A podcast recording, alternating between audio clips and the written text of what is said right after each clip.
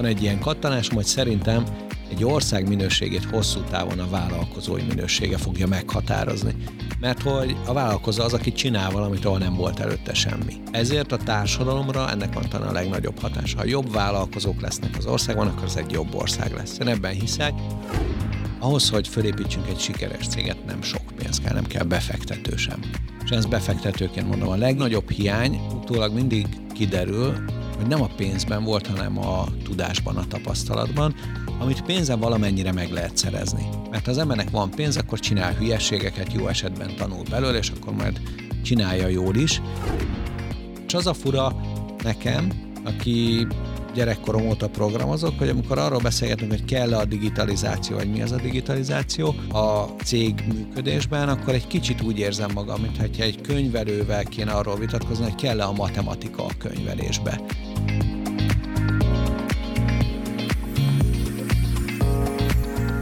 Mitől lesz egy cég sikeresebb a többinél? Mi kell ahhoz, hogy egy vezető úgy építse fel cégét, hogy az fenntarthatóan működjön miatt folyamatosan növekedni is képes? Vagy éppen ahhoz, hogy egy vágyott szint elérését követően a vállalkozás magabiztos lábakon álljon akár nélküle is? Mit és hogyan kell átgondolni, majd folyamatokba ültetni, hogy egy jól működő cégünk legyen? Milyen hozzáállás és gondolkodásmód vezet el mindenhez? A cégépítőkben célunk, hogy magyar vállalkozói történeteken keresztül bemutassuk nektek, ők honnan, hová jutottak el, Szó lesz mindsetről, praktikákról, necces helyzetekről és felemelkedésekről. Beszélgető társaim betekintést engednek, mit és hogyan építettek fel cégükben, milyen folyamatokat és rendszereket fejlesztenek a mai napig. Na és persze, hogy ezeknek milyen eredménye van a vállalkozásukban. Minden részben eltérő témakör, iparág, cégméret és motiváció szerint hívunk meg vendégeket. Olyanokat, akik mondhatni igazi cégépítők. Maradj velünk, és ismerd meg történetük, inspirálódj, tanulj és fejlődj. Én Egerszegi Krisztián vagyok, a Minicérem cégépítője, és ez itt a Cégépítők Podcast. A Cégépítők Podcastet eléred minden platformon. Hallgasd a kedvenceden, és kövessd be a sorozatot. Találkozzunk a következő adások során is.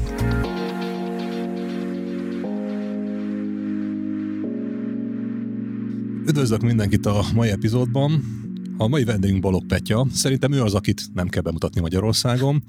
Hát lehet róla sok mindent tudni, felépített több céget, volt neki nagy exitje, ha a startup világról beszélünk, akkor Magyarországon ő talán az egyik élenjárója, Startup Hungary alapítója, sőt most mondhatjuk azt, hogy a nagy pénz, ami házhoz állt ugye a nagy exit után, abból nem elment Havajra nyaralni, ezt ugye a feleségeddel is volt egy epizód, ő is elmondta, hogy hát nem úgy működött a dolog, hogy megterveztétek a nyugis életet, hanem visszavágytatok a bizniszbe, és akkor jött az, hogy mit és hogy tudtok megvalósítani, és innentől kezdve most már több mint 40 cégbe be is fektettél. Ha jól tudom, szívügyed az, hogy edukáld a piacot. Tehát nem csak az, hogy csináljunk pénzt a pénzből, mint hogy ezt elvárja egy kapitalista társadalom, mondjuk így, hanem az, hogy te meg tudod választani azokat a célokat, amit beleraksz, és előre viszed, és előre mozdítod ezt az egészet.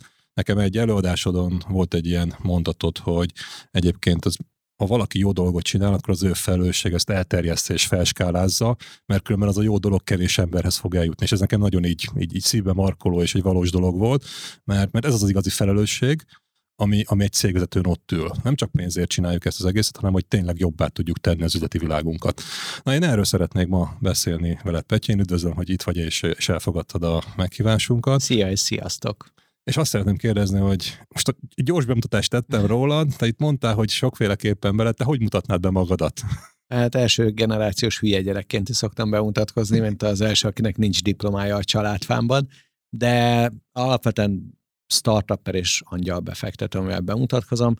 Nekem szívügyem, ahogy mondtad is, szívügyem az, hogy Magyarországon több sikeres vállalkozás legyen. Van egy ilyen kattanásom, hogy szerintem egy ország minőségét hosszú távon a vállalkozói minősége fogja meghatározni. Mert hogy a vállalkozó az, aki csinál valamit, ahol nem volt előtte semmi. És ezért a társadalomra ennek van talán a legnagyobb hatása. Ha jobb vállalkozók lesznek az országban, akkor ez egy jobb ország lesz. Én ebben hiszek. És miután eladtam az NNG-ben a tulajdonrészemet, utána ez volt a küldetésem, hogy ezért tegyek valamit, és erről szólt az utóbbi hét évem. Most hét éve álltam föl. NNG vezérigazgatói székéből most a napokban.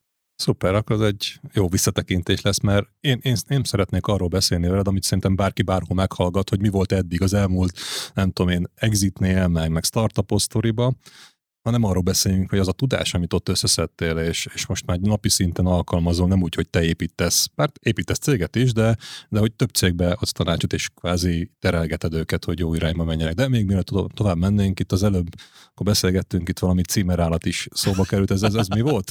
Hát, hogy igazából szerintem én vagyok mostanra Magyarországon a startup ökoszisztéma címerállata, ami valószínűleg azért, mert így startupperként is, befektetőként is uh, valamilyen hitelességet sikerült kiépítsek, azért ebben van egy csomó tudatos munka, és azt gondolom, hogy akár céget építek, akár a befektetői portfóliómat építem, ugyanúgy van helye a működésnek, van helye a marketingnek, ugyanúgy el akarok adni valamit.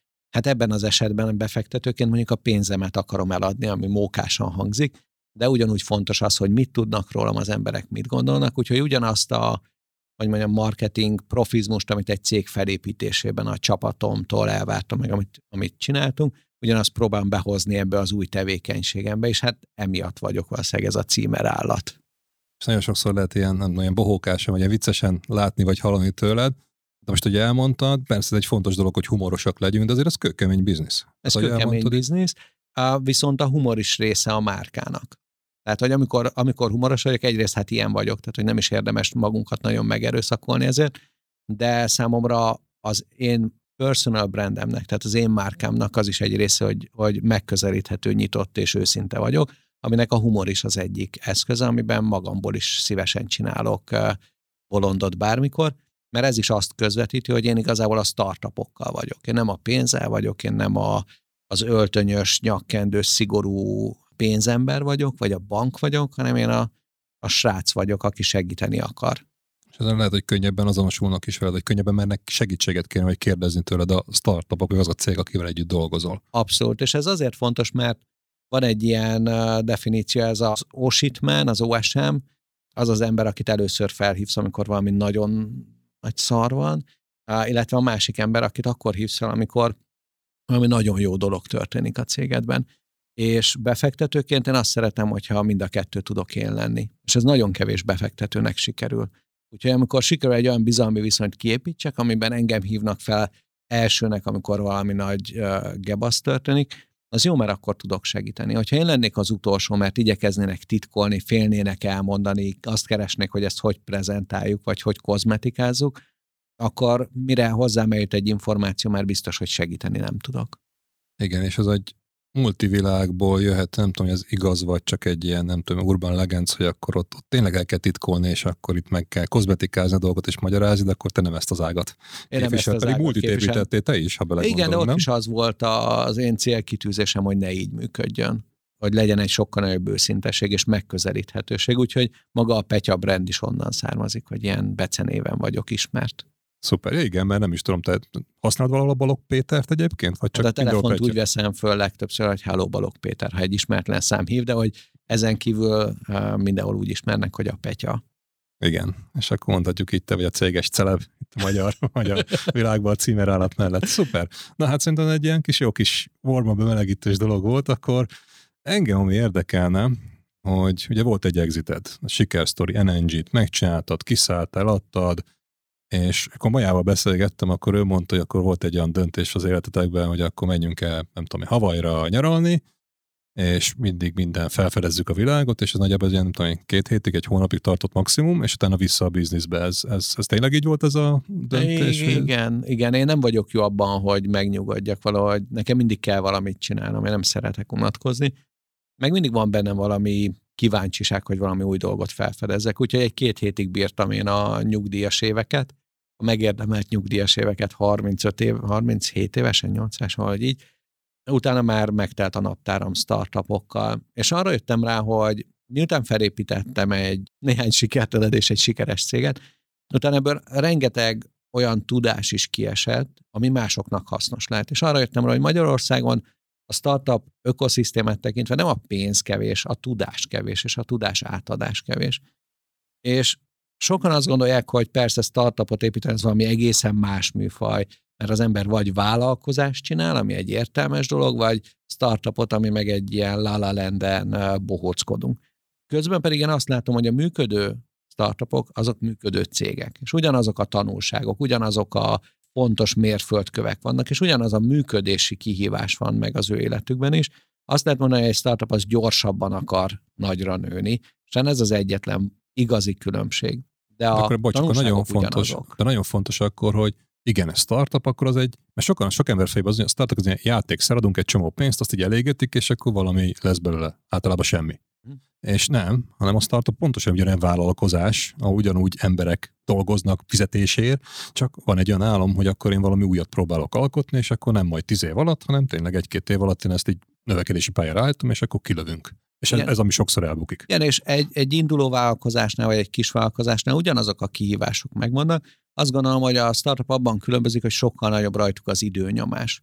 Cserébe tudnak többet költeni, mint amennyi az árbevétel. Ha van pénzük, ugye? Ha van pénzük, ha kapnak valahonnan befektetést, és amíg az el nem fogy, viszont ebből meg nagyon sokat kell, nagyon gyorsan teljesítsenek. Tehát ilyen szempontból inkább csak egy cég, amin extra növekedési nyomás van, és ehhez némi plusz eszköz is társul, de a vezetői dilemmák, a értékesítési dilemmák, a cégépítési dilemmák, azok ugyanazok, és ugyanazokat kell megtanulnia, csak egy picit még időben kompresszáltabban.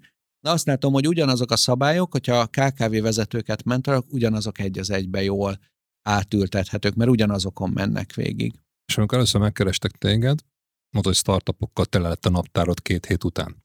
Akkor pénzt akartak, vagy tudást? Vagy csak úgy beszélgessünk? Beszélgetni. Elkezdtünk beszélgetni, és amikor kiderült az, hogy, hogy én értem, hogy ők miben vannak, vagy, vagy értem, hogy mi a dilemmájuk, vagy tudok egy külső nézőpontból arra valamit reagálni, és ők ezt fel tudták dolgozni, vagy be tudták fogadni, akkor arra is rájöttek ők is, és idővel én is, hogy ez egy nagyon nagy érték is lehet az, hogyha valaki tudást átadni, akkor az egy, az egy nagyon klassz dolog. Aztán, ahogy telt az idő, rájöttem arra is, hogy nem én hozom zsákban valahonnan a múltamból a tudást, és azt osztogatom a cégvezetőknek, hanem én legalább annyit tanulok tőlük, mint amennyit ők tőlem, és így most 40 néhánynál jár a cégszámláló a portfólióban, ez azt jelenti, hogy 40 néhány cégnek a, a sztoriai, a tanulságai, a kísérletei, a pofonjai, a sikerei csapódnak le, és ezeket én hogy mondjam, én hordon viszem köztük a tanulságokat. Igen, mert egyébként egy, kettő, három cég, amivel részt vettél, és abból építkezni, és abból adnál át tovább. Így, így meg van. most egy kicsit egy, rádobt egy nagyságrendel többet. Van, ez kiszélesedett nagyon. És akkor kvázi tapasztalatot adsz és veszel, ugye? Igen, igen. Most. És nagyon érdekes a tudás. A fura az, hogy a tudás és a sör az két teljesen különbözően működő dolog. Ha van két söröm, és adok valakinek egyet, akkor csak egy söröm lesz. És el lehet mondani, hogy a sör az úgy működik, hogy minél többet adok belőle, annál kevesebb marad. A sört az ember csak ne osztogassa. Tudás pedig pont fordítva működik. Ha leülök egy vezetővel, és adok át neki tudást, és beszélgetek vele, akkor én több tudással fogok távozni, mint amivel én leültem, és ő is többel. Az az olyan, mint hogy adnék neked egy sört, és nekem is több maradna. Igen, ez feltaláltad ezt a nem tudom én valami, valami, nem tudom én, science fiction dolog, hogy így term- termelünk, termelődik a, a sör, de maradjunk a tudásnál. Egy, maradjunk a tudásnál, a tudásra ez pont. működik, úgyhogy arra is értem, hogy minél többet foglalkozok ezzel a tudásátadással, minél több vezetőt mentorálok, minél többet segítek, annál több képződik nálam is, úgyhogy ez egy izgalmas tanulság az utóbbi pár évemnek. És miért csináltad? Amikor elindultad ezt, ezt élvezetért csinálod, azért, Aha. hogy egyre több legyél, vagy, vagy azért ott van a tudat alatt a dollárjelek, vagy eurók, vagy forintok pörögnek, vagy, vagy az csak egy ilyen mellékes hozomány? Az, az mindig az mellékes volt az életemben. Én arra jöttem rá, hogyha én értéket teremtek, tehát amit én csinálok, az másoknak hasznos, főleg, hogyha sokaknak hasznos. Legyen az a wifi, vagy legyen az a navigáció, vagy legyen az egy mobiljáték. Ha értéket teremtek, akkor előbb-utóbb van annyi eszem, hogy abból pénzt is csináljak. Soha nem az volt a cél, hogy egy millió forintot keressél, vagy 10 millió forintot keressél, vagy annyival több. Nem az jött azzal, ha az, jó az volt a mindig cél. valahogy megoldódott, igen. Mellé jött az anyagi elismerés. Aha. És itt az utóbbi hét évben befektetőként 40 néhány befektetéssel úgy voltam vele, hogy lehet, hogy mindegyik megy a kukába. Minden egyes startup befektetésnél 50% fölötti az esélye, hogy az bizony a kukába megy. Így 40 néhánynál már azt mondják, hogy már egész jó eséllyel ebből pozitívan jön ki az ember. De hogy nem ez volt a fő cél, hanem nagyon érdekeltek az ő problémáik, és nagyon izgalmas témáik voltak, vagy izgalmas dolgokon dolgoztak, amiből szeretném, hogy több legyen a világban. De aztán így a hetedik évre éred be bennem az a gondolat, hogy elkezdtem összeadni, hogy akkor mennyit ér az, amin van ezekben a cégekben, az a sok kis tulajdonrész. És rájöttem, hogy sokkal-sokkal többet ér ma már, mint amennyit én abba belefektettem pénzben és munkában. Tehát kiderült így utólag, hogy ez akár egy nagyon jó üzlet is, de nem ez hajtott idáig, tehát nem ez volt a fő szempont. Viszont a anyagiak jöttek ezzel, mert Így egy jó van. célkitűzésed volt, amit szeret, élvezette, hittél benne, ezért szenvedélyet tudtál csinálni, és mindig ezt mondom, és akkor a pénz az a mindig pénz az megoldja magát, igen. Szuper, és 40, 40-nél több cég. Igen. Az elsőre emlékszem, mi volt az első, amiben beszálltál? Igen, sajnos. Sajnos? na, na, na, innentől ez érdekes a dolog. Igen, igen. Ez miért, miért sajnos? Az első csapat egy egyetemista csapat volt, és egy barátommal, akivel, akivel az egyetemen barátkoztunk meg, és azóta is jóban vagyunk, és akivel az NNG-t együtt kezdtük, vele néztük meg ezt a fiatal csapatot, és láttuk, hogy csillog a szemük, és tele vannak tetvágyal és kíváncsisággal, és azt mondtuk egymásnak, hogy te ezek pont olyanok, mint mi voltunk egyetemistaként. Úgyhogy rögtön tudtuk, hogy beleszerettünk abba az energiába, vagy abba a kíváncsiságba. Úgyhogy adtunk nekik sok pénzt, szám szerint 66 millió forintot, ketten összedobtunk, és hát ez másfél év alatt ők elégették, és lehúzták a rolót, és utána rájöttünk, hogy az első cégeink nekünk is buktak. Az első pár befektetőnk pont úgy járt, mint ahogy, mint ahogy mi jártunk velük. És úgy, voltatok kicsit... az ő első befektető. Így van, így van, tehát hogy itt meg mi lettünk ez. És hát ilyen szempontból ez egy nagy tanulság volt sok, sok szempontból. Az egyik, hogy nem feltétlenül a fiatalok első cége lesz sikeres. És ez általában így van, tehát hogy nem a legelső cégek lesznek a nagy világsikerek, hanem általában a harmadik, negyedik, ötödik cég. Általában a sikeres cég alapítók, amikor megalapítják a később nagy sikerű cégeiket, akkor átlag 40 évesek. Ami azért is klassz, mert Magyarországon valamire elhittük, hogy, hogy vállalkozni a fiatalok tudnak, meg már túl öregek vagyunk hozzá. Hát nem vagyunk hozzá túl öregek igazából. Sőt, akkor, Sőt, akkor fogsz elkezdeni tudni van. termelni. És Másik, a szerelem meg egy drága dolog, ezek szerint ez is így van. a cég, cégben igen, is, igen, ha beleszeretsz valamiben, vagy nem működik, az, akkor az, az nagyon drága, tud. igen.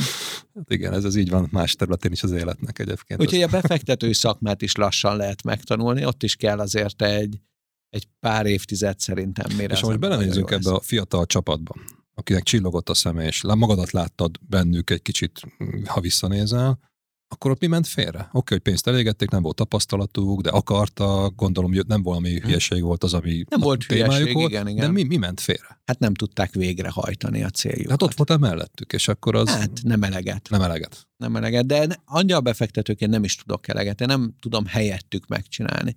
Nem vagyok, nekik mint egy irányt. pompomlány.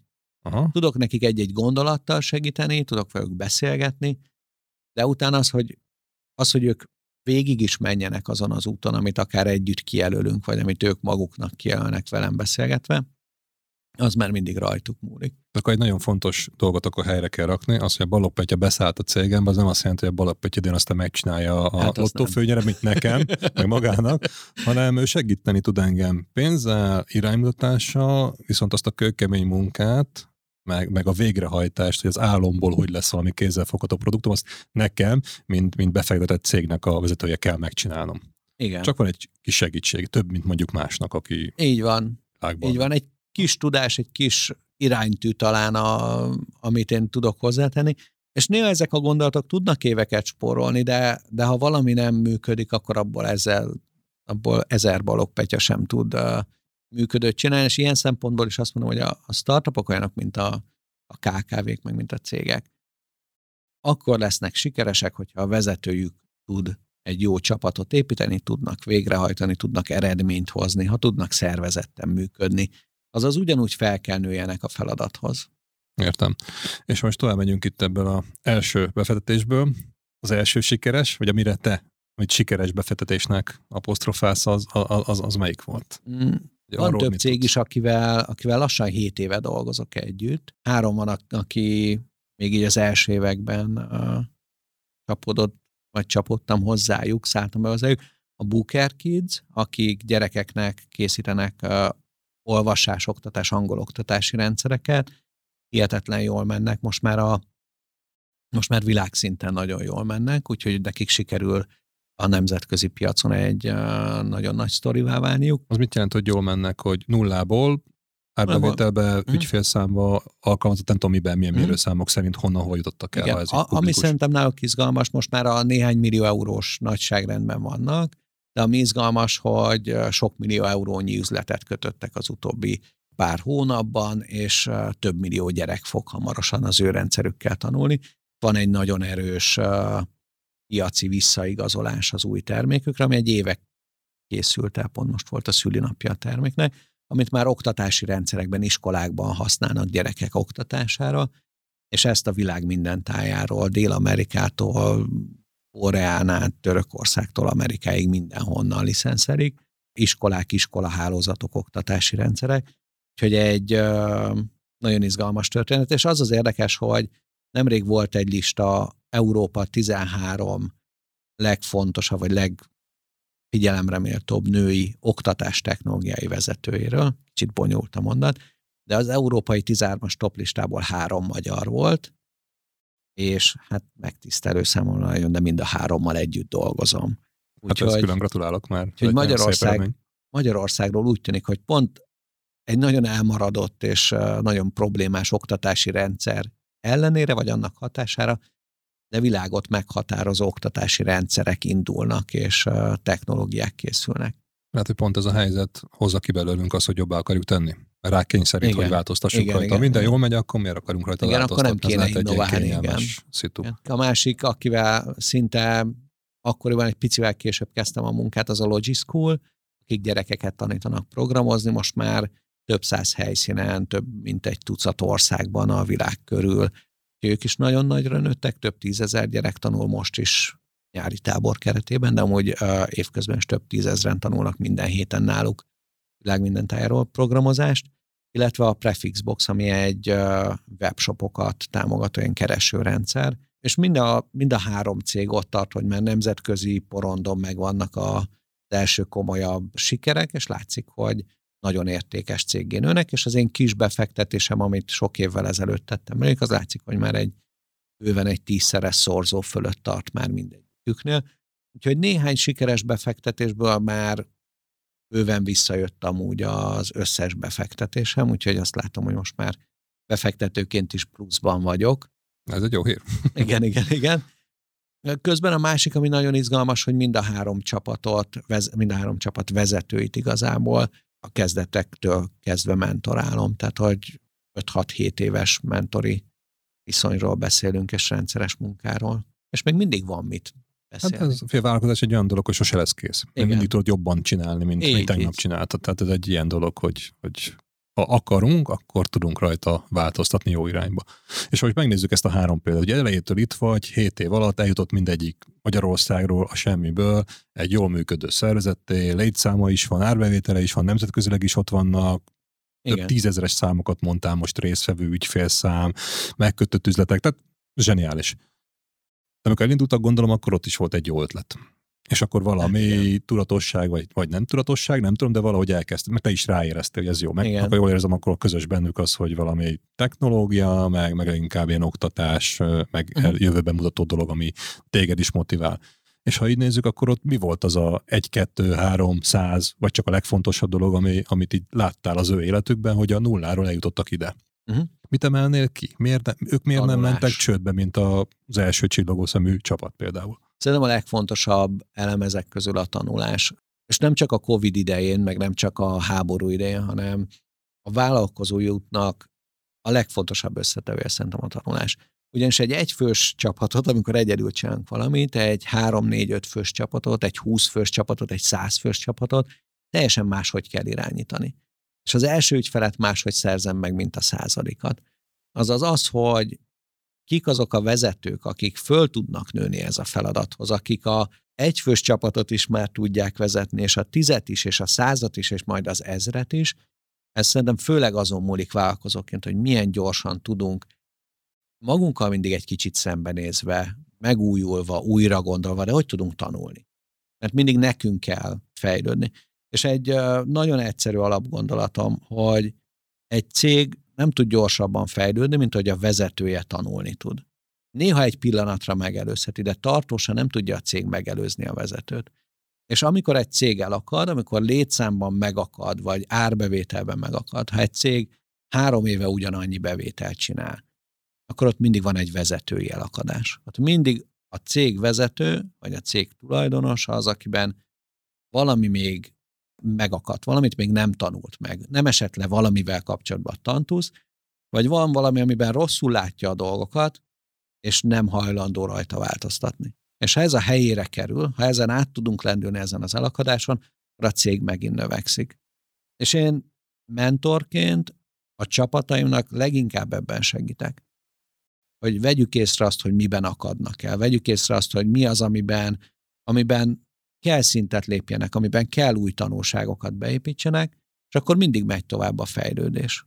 Ha egy KKV-ra kezdek el gondolni, ugye a startupnál mondtad, hogy ez egy kényszer, hogy tanuljunk, fejlődjünk, növekedjünk, mert különben elfogy a pénz és nem mm. lesz bevétel. Ha egy tipikus KKV-ról beszélünk, ami már működik mondjuk 5 éve, 10 éve, nem tudom, termelt pénzt, eltart x embert, megél belőle mm. nem tudom hány család, és ott jön be az a mondás, hogy nincs ilyen néhány év alatt rákényszerítve arra, hogy, hogy új dolgokat felszedjen, mm. és akkor itt lehet az, hogy megakad, vagy elakad a vezető, és van az a mondás, hogy ah, tanultam én már eleget az iskolában, most már csináljuk rá, nem érek rá tanulni, és akkor azt mondod, hogy ez egy olyan uh, probléma forrás tud lenni, amikor nem ismeri föl, hogy itt, itt máshogy kéne csinálni a dolgokat, és, és lehet, hogy ennek a vége az, hogy akár beleáll a földbe a cége, mert nem változtat valamin.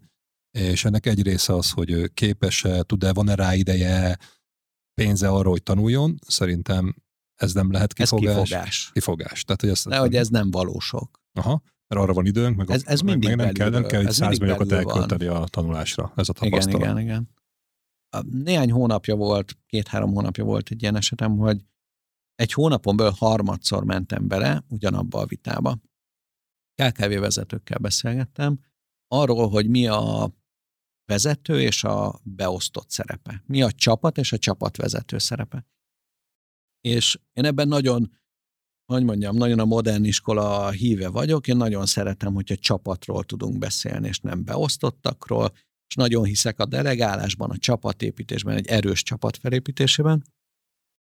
És mind a három vállalkozó engem kioktatott, hogy hát én lehet, hogy ez nálunk így volt, de hát ez teljesen hülyeség. Ő már pontosan tudja, hogy hogy kell az emberekkel bánni, hogy meg kell mondani, hogy pontosan mit csinálja, hogy minden embert mindig ellenőrizni kell, mindegyik kutyaütő, egyikre se lehet semmit rábízni, minden feladatot pontosan ki kell nekik adni, és szigorúan számon kérni. Próbáltam nekik magyarázni, hogy én miért nem így gondolom, hogy mégiscsak a vezető múlik, hogy milyen csapatot épít, hogy hogy tanulunk meg delegálni, hogy hogy fejlesztjük ezzel a kollégáinkat, és nem ment át, nem ment. És így, amikor bár harmadszor futottam bele, akkor így kicsit felszívtam magam, úgyhogy elmentem az Optenre, bocsánat, hogy ilyet nem tudom, hogy mondani, de hogy elmentem, megnéztem egy céginformáció van, hogy vajon hány fősek voltak a cégeik, és mind a három hétfős volt. És arra jöttem rá, hogy igen, van egy nagyon határozott minta, hogyha így gondolunk az emberekre, ha így gondolunk a működésünkre, akkor az a pont hétfőig el tudunk jutni hét emberrel még így tudjuk csinálni, hogy senkiben nem bízunk meg, mindenkinek részfeladatot delegálunk, minden szigorúan. tudod, mert így napi nyolc munkaórád van, mindenkire egy óra, meg magadra is egy óra, így van, nyolc, van, és kijön a nyolc. és ez a, ez a szabály, hogy ezzel kb. a hét, hogyha nagyon jók vagyunk, talán tíz főig eljutunk. Ha évek óta nem sikerült ezen átlendüljünk, akkor valószínűleg ebben vagyunk elakadva. Valószínűleg a delegálás nem ment át. Nem értjük még, hogy hogy tudunk bizalmat szavazni, nem hagyjuk őket fejlődni. Nem jó a csapatunk, de valószínűleg, hogy még bennünk van valami, ami miatt nem jó a csapatunk, vagy nem hagyjuk őket kiteljesedni. Arra jöttem rá, hogy aki, aki eljut eddig, hogy van egy hét főből álló csapata és vállalkozása, és már pár millió forint bevétel termel, és már megél belőle, annak ez egy kényelmetlen, de mégis elfogadható életszínvonalat és megélhetést biztosít, ő nem könnyen változik. Ő nem is ismeri azt felfeltétlenül, hogy kéne változni, hiszen így működik, mindig így működött a cég, és ezért hétfős. Viszont az a, az érdekesség, hogy a magyar KKV közül, aki nem hétfőnél akad el, az 20-30 fő között akad el. És vannak ilyen fix pontok, ahol a cégek cég többsége. Szintek, nem? Ha így nézzük. van, cégszintek, és az az érdekessége mindegyiknek, hogy mindegyiknél ugyanaz a kívás jön szembe. Hétfőnél, 20-30 főnél, 80-100 főnél ugyanaz a, az egy kihívás jön szembe. Ahhoz, hogy nőni tudjak, növelnem kell a bizalmamat. Többet kell tudjak delegálni, máshogy kell delegáljak, egyel több szint kell a szervezetembe ahhoz, hogy a munkát szervezni és kivitelezni tudjam, és vezetőként mindig egyel hátrébb kell lépjek a konkrét munkavégzésből, és a cégemen kell dolgozok, nem a cégemben. És nem felügyelni mindenkinek a munkáját részletesen, hanem egy kicsit nagyobb bizalommal feljebb lépni. Ha ez megvan, ha ez a felismerés megvan, akkor tudunk nőni. Ha ez nincs meg, akkor beragadunk a 7 főnél, akkor beragadunk a 30 főnél, és nem tudunk tovább lépni. Ahogy lépnénk tovább, minden lépéssel nő a fájdalom, a stressz, a, a fejetlenség, és mindig ugyanoda zuhanunk vissza. És innen jön az a ismert dolog, hogy á, minden ember hülye, úgyis elrontják, inkább el sem mondom neki, mert úgyis elrontja, és majd nekem kell kijavítani, inkább megcsinálom én. Így Innentől kezdve beragaszt, ez, beragadtál, ez és rabszolga lettél a cégedben, és te dolgozol mindenki helyett. Így Úgyhogy van. ez nem egy jó dolog. Ez egy érdekes kérdés, amit mondasz, és ezt nem tudom, ezt te hogy látod, mert majd most akarok kérdezni, szerintem egy, egy fájdalmas dolog tud lenni, bár ez is fájdalmas, ha fölismeri valaki ezt, hogy beragad, de azt fölismerik, hogy ők kevesek cégvezetőként, kevés a cégéhez, és lehet, hogy ez lett egy akadály, hogy nem képes, tök mindegy miért, megtanulni, változtatni, mert ugye azt mondod, hogy megképes megtanulni hogy hogy legyek egy 7 helyet 30 fős, 30 helyet 50, 100, akárhány fős cégvezetője, tök más napi szinten, amit csinálnom kell. És ha erre képes vagyok felnőni, megtanulni, akkor látunk egy csomó sikersztorit, tehát ez nem újdonság, meg kell nézni a cégeket világban, Magyarországon van rá példa. Viszont nagyon, szerintem 90%-ban a cégeknél olyan van, aki lehet, hogy nem akar, nem tud, egyszerűen nem tanulni sem, de hogy nem ismeri fel, hogy szakmailag kevés. Mert teljesen más, ha szakmailag építesz egy céget, mert jó vagy ott a saját szakmádban, legyen az szó, mert valami fizikai munka, szellemi munka, építkezés, vagy, vagy online marketing, teljesen mindegy, meg tök más, amikor céget építesz, ez egy külön szakma. Igen. És amikor valamibe jó vagy, fölveszel egy segédet, még egyet, hárman vagytok, öten vagytok, az fölveszel egy irodavezetőt, utána már eljön a hétfős létszám, már van mindenféle. Még mindig te értesz egyedül ahhoz, amivel foglalkoztok. De, de, de, de a szakmádhoz értesz. Igen. Hogy jó, valami, valami dolgot jobban csinálsz, mint mondjuk más. De a cégépítéshez nem. És innentől kezdve beragadsz. És a kérdés, hogy vagy megtanulod, és tök más kezdesz el naponta csinálni, mint mondjuk amiben jó vagy, mert egy szakértőként jó vagy, vagy pedig azt mondod, hogy hú, hát ezt nem nekem kéne csinálni, hanem hozzunk egy profi cégvezetőt, aki ehhez a bizniszhez él, én meg leszek a legjobb szakértő. Na erre nagyon kevés példát látok így Igen. a cégvezetőknél, mert ugye be kéne ismerni, hogy nem más, hanem én vagyok a hibás, és te saját, nem tudom én, cégemet, értéket, gyereket akár oda kéne adni más kezébe, hogy akkor nevelte tovább, vagy vigyette tovább. És ez egy fájdalmas, vagy nehéz kérdés. Ilyenre látsz példát, vagy ez mennyire valós, amit mondok, vagy csak Abszolút most valós, gondolom? És szerintem az egyik dilemma, hogy egészen más dolog felismerni, és más dolog elismerni. Felismerni szerintem a nagyon sok cégvezető tudja magáról, hogy kevés ahhoz a szituációhoz. Tudja, hogy összecsap a feje fölött a hullám, vagy tudja, hogy nem így kéne, de ezt ismeri. Elismerni viszont azt mondani, hogy oké, okay, akkor én, én még nem vagyok ebben jó. Ezt még nem jól csinálom. Elismerni ezt bárki előtt kifelé, és azt mondani, hogy akkor nekem erről tanulnom kell, akkor elmegyek egy tanfolyamra, hogy elolvasok egy könyvet, elmegyek egy MBA programra, vagy bármi módon megpróbálok tanulni arról, hogy mit kéne csinálni. Szerintem ez a nehéz, mert ez azzal jár együtt, hogy elismerjük a kevésségünket, elismerjük a, a hiányosságunkat.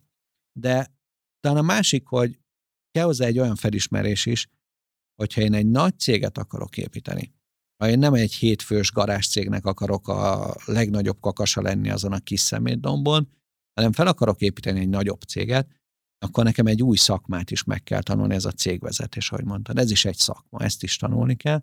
És ha megvan bennem az ambíció, hogy én tudom, hogy ezt tanulnom kell, és akarom ezt tanulni, akkor szerintem ez nem egy képes vagyok-e megtanulni. Persze, hogy képesek vagyunk.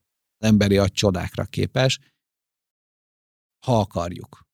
Ha egyáltalán megvan ez a víziónk, hogy mit szeretnénk. És azt látom, hogy a vízió azért nehéz, hogy elhiggyük, hogy egyáltalán van ilyen opciónk, mert ahogy arra szólunk a hetes határunkig, vagy nyolc, vagy kilenc, akkor már kilenc fős a cégünk, és már szétszakadunk, és már 12 órázunk, és megőrülünk, és már megint felmondott valaki, és már megint mi fogjuk majd őt pótolni, és akkor megint interjúztatni kell, meg álláshirdetni, meg megint béremelést követelnek, de az ügyféllel is csak a baj van, akkor szétszakadunk benne, és nem hiszük el, hogy 15 fővel ez nem kétszer ilyen rossz lesz hanem hogy konkrétan könnyebb lesz az életünk, ha ezeket a problémákat megoldjuk, és átbillenünk ezen a határon. És ez kell egy, egy olyan hit, ami szerintem Magyarországon nincs meg. Kimarad ez a világunkból, hogy elhiggyük, hogy ha átlépünk, ha megoldjuk a problémáinkat, akkor utána megint egy ideig könnyű lesz vezetni. És igazából céget vezetni nem mindig nagyon szar. Vannak időszakok, amikor nagyon szar, ha ezekből levonjuk a tanulságot, beépítjük, ha átlendülünk, akkor utána vannak egészen elviselhető vagy jó szai is. Tehát, hogy nem csak szívásból áll. Igen, és ha belegondolsz, ha képes ezt felismerni, képes vagy változtatni, és kétszer annyi embered lesz, az nem, az, nem biztos, hogy az, ha jól csinálod, akkor az nem azt jelenti, hogy kétszer annyi szívás van az életedben, hanem akkor hirtelen lesznek olyan erőforrások, amikre tudsz delegálni. Így Összeraksz egy új üzleti folyamatot, leírod, és akkor valaki más fogja helyettet csinálni, mert tudja, hogy honnan hova kell eljutni, mik a mérföldkövek, mik a lépések, és akkor azt végig tudja vinni nélküled, te meg az eredményet élvezed. És amikor egyre több ilyened van, onnantól kezdve lesz azt mondom, hogy az a igazi cégépítés, amikor nem rabszolgaként robotolsz a cégedbe, és a napi szívás van, hanem tényleg építkezel, értéket teremtetsz, és az eredményt a végén le lehet aratni, hogy fú, de jó, hát ez tényleg működik, és, és ez nem csak a pénzt jelenti, hogy mert, mert lehet, hogy a, a mm. kényszervállalkozás hétfővel abból is meg tud élni x darab ember, csak ugye minden nap szenvedés, akkor azért egy nehéz dolog. Meg a másik, amit mondtál, hogy valószínű az van, hogy ez ilyen negatív dolognak tűnik, hogy én beismerem, hogy én béna vagyok. Ugye? Igen, ez el igen, kell mondanom, és, és másnak is el kell mondanom, hogy én béne vagyok, nem tudom, nem vagyok képes olyan céget csinálni, ami nem 7 emberes, hanem mondjuk 15 vagy 20 vagy 30. Ez egyik dolog, a másik az, hogy nem olcsó. Tehát, hogyha fel akarsz venni, mert ez általában nem biztos, hogy úgy fog meg, meg, megtörténni, hogy felsze plusz egy ember, plusz egy embert, és itt szépen egyesével növekszel, hanem lehet egyszerűen fel kell venni három-négy embert, hogy Igen. hatékonyabbá tud tenni azt a következő, és az baromi drága tud lenni. Amikor hétről fölmész mondjuk 11-re, hát másfélszer akkor a költséged, Igen. ugye?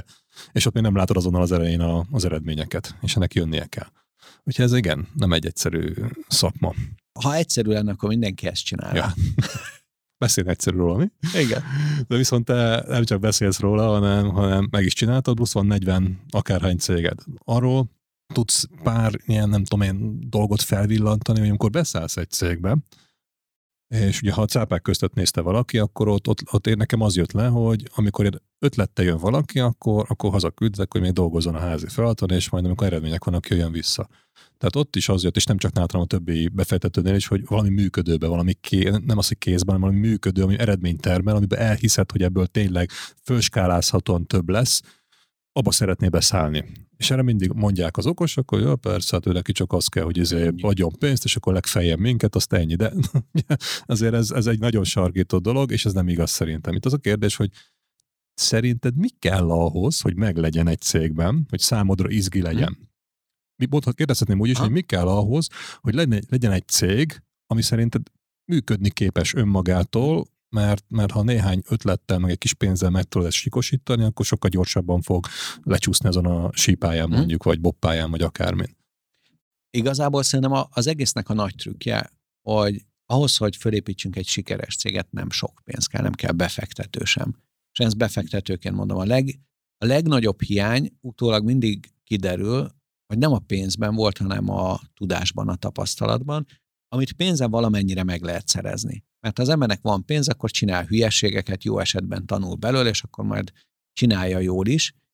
De ahhoz, hogy elinduljunk egy céggel, és hogy elkezdjünk valamit alkotni és hasznosat teremteni, ha azt gondoljuk, hogy hm, már minden megvan hozzá, hogy sikerre vigyek egy céget, csak kéne hozzá az induló tőke, amiből majd felveszem a csapatot, akiket majd jól vezetek, aki majd megcsinálja ezt a terméket, ami pont az ügyfélnek kell, és utána sikeresen eladom, akkor ez így egy elég, elég álmodozós dolog. Elég sok változós az a egyenlet, igen, amiről igen, beszéltem. Igen. Mert semmi nem volt meg, hanem ötletem volt, és majd mindent föl fog Majd adjon alá mindenki mindent, és akkor majd jól fog sikerülni. Hát ebben lehetetlen kb. befektetni. Tehát ez az a pont, ahol olyan magas a bukta arány, hogy egyszerűen nem éri meg sehogy, nem jön ki a matek.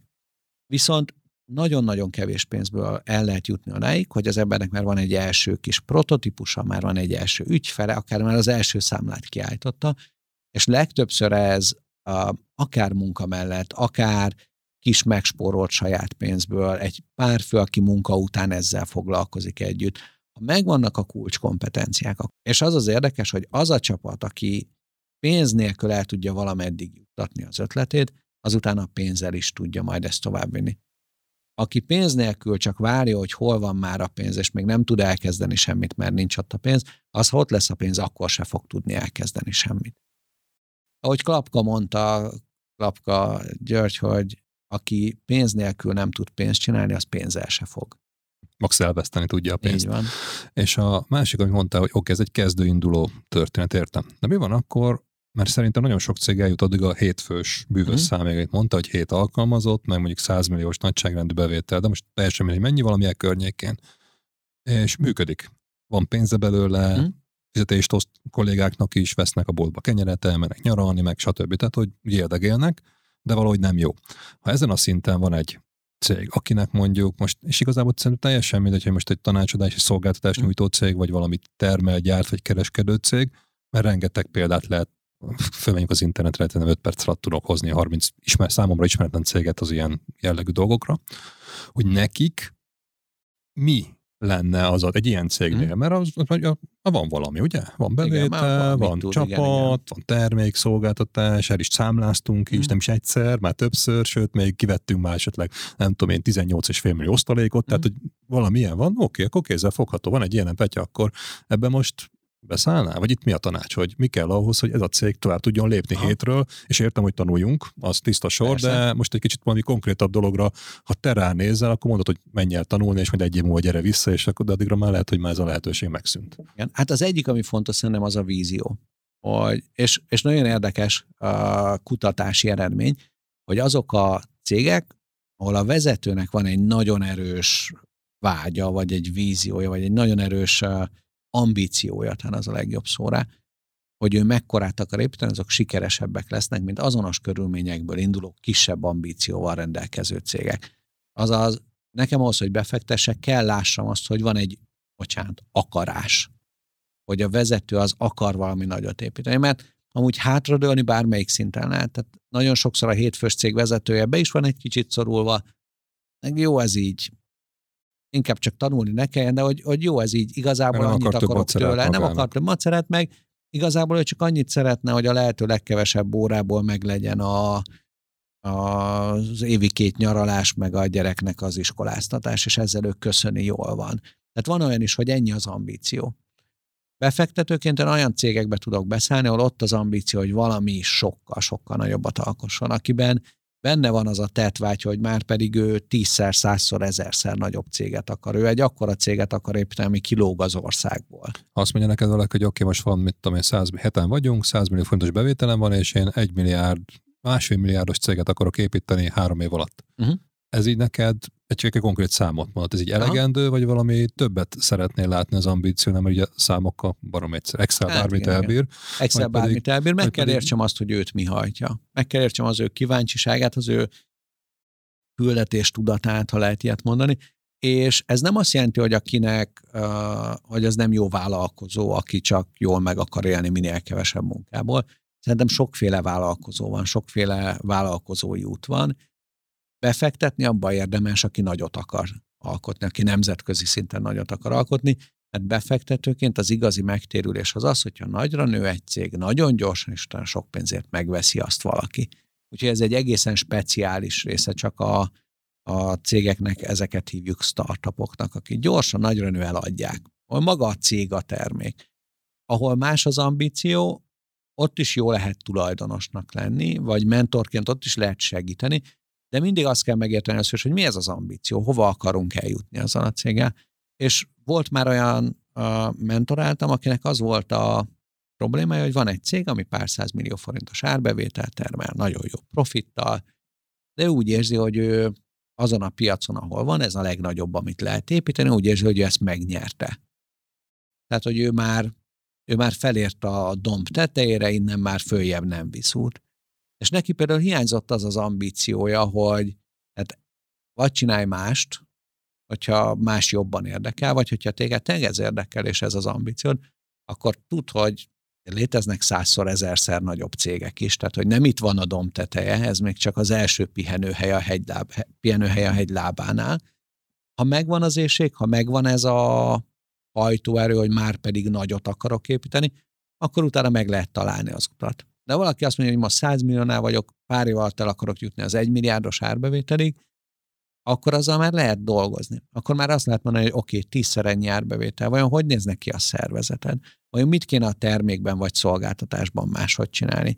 Vajon mi akadályoz meg téged ebben? Vajon melyik ponton vagy elakadva? Vajon milyen szervezet tudja ezt kiszolgálni? Vajon milyen értékesítés kell a tízszer ekkorához? Úgyhogy ez például egy nagyon jó gyakorlat, hogyha növekedni akarunk, hogy vajon tízszer ekkorában hogy működnénk. Egy jó kísérlet. Igen, és ez bárki megcsinálhatja saját magának, Igen. nem? Mert igazából látja, hogy mi az, ami működik nála, mit akar, és akkor az a kérdés, hogy egy elbírja képzelni, már itt van. Igen, Mer egyáltalán ekkorát álmodni, el tudja képzelni, és te össze kell szedni ahhoz, hogy hát lehet, hogyha tisztelény ügyfelet akarunk, akkor nem elég egy ember, aki foglalkozik ezzel a mennyiséggel. Igen. Aki akarjuk őket szolgálni, akkor mi kell hozzá? Ahhoz lehet, hogy kell egy külön csapatot építeni, aki majd, de mi van, ha már ennyi ügyfeled van, akkor lehet, hogy kell hozzá egy külön ügyfélszolgált, ugye? Mennyi Igen. mindent lehetne automatizálni? Ha ennyi ügyfeled van, az mind be fogja időre fizetni a számlát, vagy behajtással is kellene foglalkozzam egy ilyen utálatos dolgok. Akarunk nekik, mit tudom én, rendezvényeket tartani, mert most már ennyi ügyfélnél, akkor mi van, hogy több a költségünk, több a bejövő számla. Ezeket hogy dolgozzuk fel? Kiknek kell jóvá hagyni egy félmillió forintos számlát elutaljunk-e, vagy ne? Tehát egy csomó Igen, ilyen kérdés rögtön van. Bejön, rögtön bejön az a gondolkodás, amelyek szerintem előre visz, mert egyen nagyobban kezdünk el gondolkodni. Igen, mert a hétfőnél az van, hogy jó, hát havonta kapok, mit tudom én, 30 darab számlát, amire döntés kell hoznom, hogy akkor utaljuk, vagy ne utaljuk, megvegyük, vagy ne vegyük mit tudom, fél évente föl kell vennem egy embert, ne Isten kettőt, mert valami komoly változás történt a cégben. De ennyi. És utána nem tudja elképzelni az ember, de hát a 20 embert kéne fölvenni, Igen. de hogyha 300 számláról kéne dönteni, de hogyha 32 darab telefon van naponta, aki panaszkodik valamiért, nem csak heti egy, akkor oda tök más struktúra kell. Igen, és nemrég volt egy cégvezetővel beszélgetésem, és mondta, hogy hát ő most vezette be, hogy már nem, ő, nem az ő telefonszáma van kiírva az ügyfeleknek. És előtte a meetingeink úgy zajlottak, hogy mentoráltam, és hát be kell vallanom, hogy nem vagyok olcsó, és közben hívták az ügyfelek. Bocs, Petya, mindjárt, mindjárt, mindjárt. Öt percig az ügyfél panasszal foglalkozik, öt percet figyelem, megint egy újabb telefon, megint öt perc. És egyrészt bosszantó volt, mert tudom, hogy az összes ügyfél nem fizetett annyit aznap, mint amely az én óradíjam, úgyhogy egy kicsit úgy éreztem, hogy az én időm van pazarolva. A másik oldalról meg így nem lehet céget építeni, hogyha öt percenként csöng a telefon.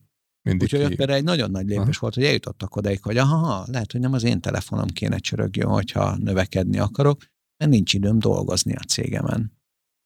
Azért ez is egy komoly felismerés, ami yeah. lehet, hogy sokat elakadnak, mert hát miért? miért? Hát a VIP ügyfél, hát a legtöbbet ő, én hoztam be, hát akkor ki Igen. más, csak én. Hát igen, és ez a másik, hogy Nem ki hozza be az ügyfelet. Tehát ha az a vízióm, hogy 100 millióról 1 milliárdra nőjek, akkor az már lehet, hogy nem csak úgy tud működni, hogy én adok el mindent személyesen cégvezetőként, én vagyok az egyetlen értékesítő a csapatban. De valószínűleg a kockás füzet is kevés lesz hozzá, vagy az Excel tábla. Mi az, ami tovább tudja lendíteni ilyenkor a cégeket, mert oké, összeszedem a folyamatokat, leírjuk egy papírra mondjuk, és akkor tudom, hogy mit kéne megcsinálni, tudom, hogy hányan vagyunk, és akkor ilyenkor jön az, hogy valami támogató eszközt be kéne hozni. Mm. És akkor előveszük a telefonunkat, majd oda a kontakt mögé bepötyögöm meg a naptárba a dolgokat, ugye ez az első. Igen, ilyen igen. digitalizált jegyzetfüzet, mondjuk így, vagy nót, vagy papírcetli, de nem biztos, hogy ez elegendő. De hogy látod, akik nálad mm. vannak cégek, mert most azért itt nagy a merítés, és nulláról indultak, uh-huh. tehát gondolom nem mindenki egy, nem tudom, valami integrált szuperrendszerrel indult a nulladik pillanatban, hanem valószínűleg innen a klasszikus megoldásokból. Hogyan, milyen lépésekkel, milyen folyamat, milyen rendszer, milyen automatizáció?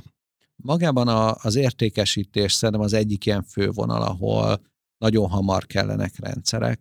Egyszerűen azért, mert amíg egy személy értékesít, addig fejben is megjegyzi, hogyha kevés ügyfelet szolgálnak ki, vagy beírja a naptárába, vagy a kontaktjaiba, vagy egy nótot, vagy egy Excel-t, valamit vezet róla. De ha elkezdünk skálázni, tehát ha elkezdünk egy, egy sokkal nagyobb árbevételre törekedni, akkor az több ember kell majd, aki ügyfelekkel beszél, aki kiszolgálja azt az ügyfelet, aki rácsörök, hogy minden rendben volt-e, aki szervezi az ügyfél kiszolgálását, aki támogatja az ügyfelt, és hát több értékesítő is lesz idővel. És ennek az egyik nagy akadály az lesz, hogy egyáltalán ugyanarról tudnak-e beszélni, ugyanazt látják-e. Úgyhogy az egyik első rendszer ilyen szempontból a skálázódásban az a CRM, hol tartom az összes információt az ügyfeleimről. A legtöbb startup, és szerintem a KKV-k is ugyanazon a fejlődésen mennek át. Az első időszakban a cégvezető az egyetlen értékesítő. Mert az ő személyes hitelessége, az ő személyes kapcsolatrendszer, az els, elsődleges értékesítési csatorna. Tehát csak ő tud eladni, mert még, mert még nagyon ki kell találni, hogy mit adnak el, meg kinek, meg hogyan. Viszont ahogy kezd beindulni az értékesítés, ahogy kezd kialakulni, hogy mi a termék, és mennyiért adom, és milyen paraméterekkel, és kinek, akkor előbb-utóbb el kell kezdeni egy-két plusz szélzest felvenni. Amikor már nem egyedül értékesítünk, ott már kell valami rendszer. Ott már érdemes valami rendszert bevezetni, bármelyikünk is vette fel azt a telefont, mindenki más is társa, hogy mit beszéltünk meg az ügyféllel. Ott már kell egy CRM. Utána, amikor már van egy-két értékesítőnk, akkor utána viszont el kell kezdeni őket struktúrába építeni, el kell kezdeni be őket egy szervezetet építeni, az pedig kelleni fog egy dedikált sales vezető, aki már nem ő maga a telefonon lóg egész nap, még akkor is, ha néha részt vesz benne, sokkal inkább szervezi az értékesítők munkáját, és ahogy tovább növünk, ott pedig maga az értékesítés is szétesik szakaszokra, olyan, mint egy gyártósor.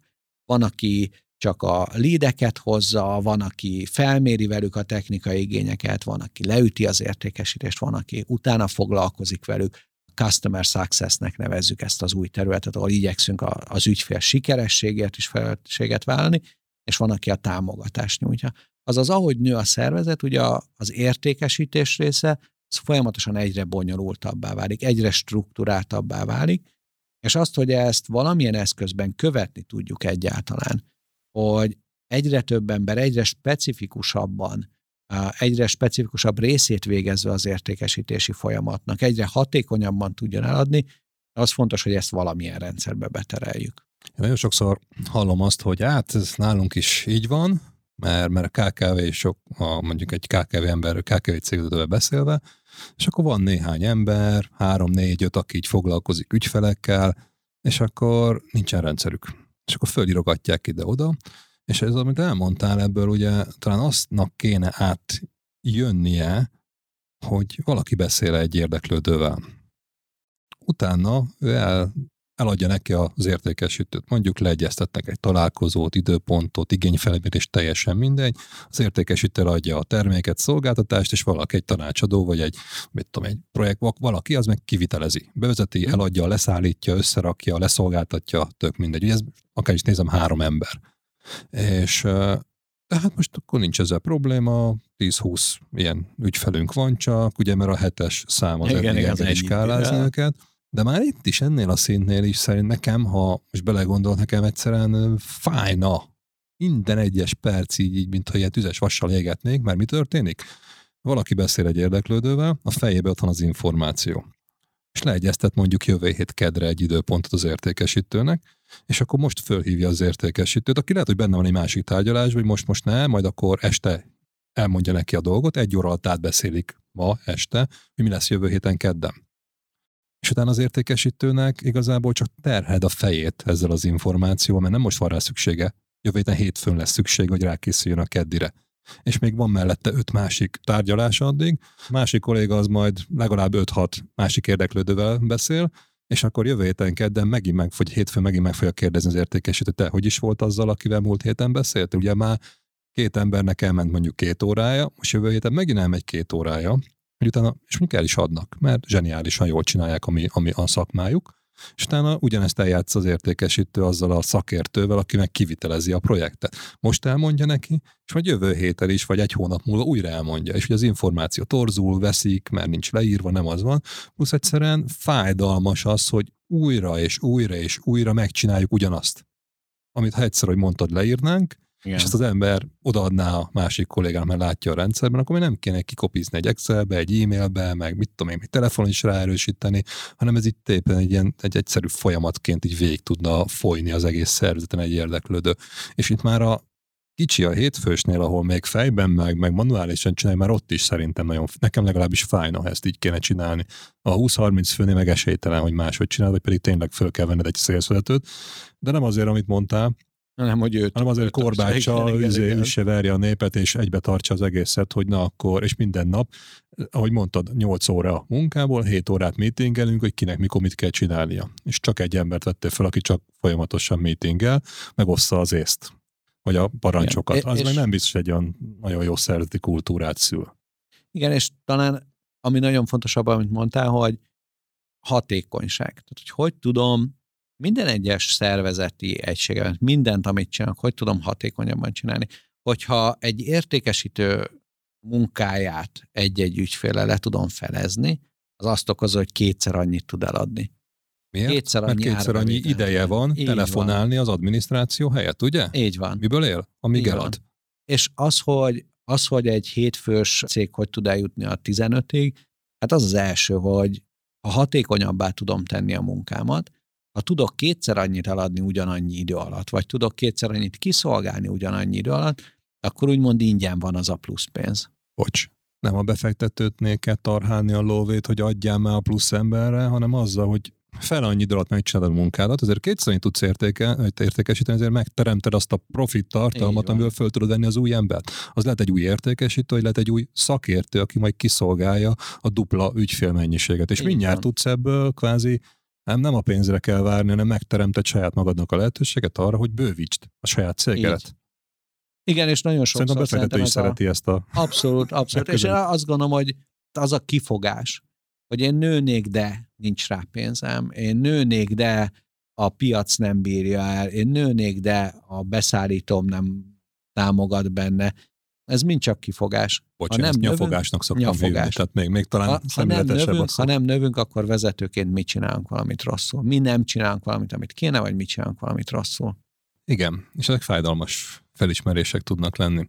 Oké, okay. de innentől kezdve mondtad, hogy uh, sales, struktúra. Ugye az első dolog az, hogy teljesen mindegy, milyen jó terméked van, azt tudd eladni, mert ha nem adod el, akkor ott marad magadnál, és akkor ilyen hasz belőle. Tehát, Mhm, hogy igen. piacra kell vinni, Ez a ha magyar már, recept. és, ha, és ha már többet adtál el belőle, akkor előbb-utóbb kell több ember, meg struktúra, meg vezető, aki nem egy korbácsos rabszolgahajcsár, úgymond, hogy, eh, hanem tényleg tudja fejleszteni a, mondjuk az értékesítő csapatot. És te mondtad ezt a customer success-t, aki meg mondjuk így az ügyfelekért felel. Azért, hogy ha már eladtunk valamit, akkor abból hozzuk ki a maximumot, és az ügyfél is legyen boldog, és persze lehessen upsellelni, tehát újra eladni neki valamit, Igen. meg hogy sokáig nálad maradjon.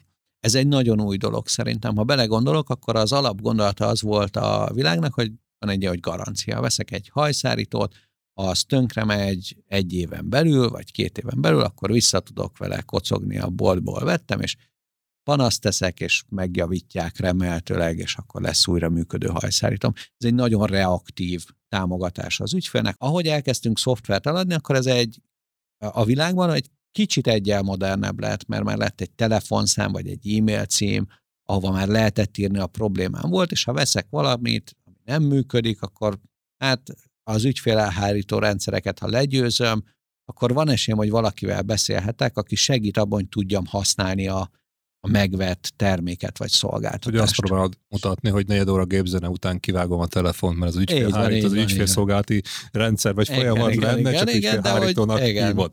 Mert nem támogat, hanem próbál Hát elrettenteni, igen, hogy próbálja csökkenteni ezt a költséget, és ehelyett, ami most megjelent az utóbbi időszakban, és ezért szerintem főleg a, a SARS modell, a- az, a havi előfizetési díjas ö, szolgáltatások ö, felelősek, vagy azok hozták el ezt az időszakot, amikor rájöttek a cégek, hogy ha én csak a nagy hibák elhárításáért vállalok felelősséget, akkor idővel az ügyfeleim el fognak menni. És nekem nagyon is megéri az ügyfeleim sikerességét, az ügyfeleim boldogságát kézben tartani, mert az az ügyfél, akit folyamatosan, tartósan, boldogan tudok tartani a termékemmel vagy szolgáltatásommal, ő fog még tőlem venni, és belőle fogok megélni. És ennek a, az új gondolatnak lehet pár éves, még talán egy tíz éves sincs. A Customer Success a neve. Customer Success Management, azaz ügyfél sikeresség management. Ami azt jelenti, hogy én, mint eladó felelősséget vállalok azért, hogy amit én eladok, azt a másik oldal hogy fogja használni. Vett egy kalapácsot, azt csinál vele, amit akar. Ehelyett, hogyha eladok egy szoftvert, amiért havi díjat szedek, akkor nekem érdekem az, hogy a lehető legtöbb értéket hozza ki belőle az ügyfelem, igyekszek neki segíteni, nézem, hogy hogy használja, és ha rosszul használja, én fogom őt felhívni, sőt, energiát rakok abba, hogy oktassam őt, hogy képezzem őt, hogy segítsem őt a termékhasználatba, mert aki rosszul használja a termékem, az nem fogja sokáig fizetni a havidíjat. És ugye itt van ez a örök dilemma, hogy megvegyem, vagy béreljem, ugye? Most nagyon egyszerűsítve mondom, és ha megveszem, akkor enyém, tehát úgy, úgy érzem, hogy az enyém, és azon milyen jó lesz nekem, viszont itt elmondtam még egy kulcsfontosságú dolog, azon kívül, hogy ha bérbe adom, akkor valószínűleg kevesebbért fogom bérelni, legalábbis egy havonta uh-huh. kevesebbet fogok fizetni, mint egyszer az elején nagy, nagy összeget le kell rakni az asztalra.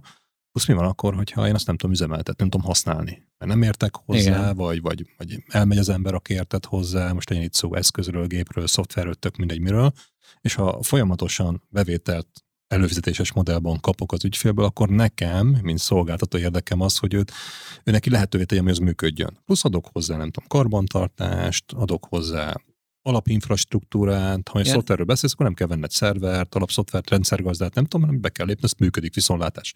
Igen, és ilyen szempontból azt lehet mondani, hogy a havidíjas modellben a szolgáltató és az ügyfél érdeke azonos az a mindkettőknek az az érdeke, hogy a terméket sikeresen használja fel az ügyfél, arra, hogy üzletileg jól tudjon működni. Mert ha ez nincs meg, akkor tudja a szolgáltató is, hogy azzal ő is pórul jár. Mert az ügyfél nem fog fizetni érte. Mert akkor az ügyfél nem fog fizetni.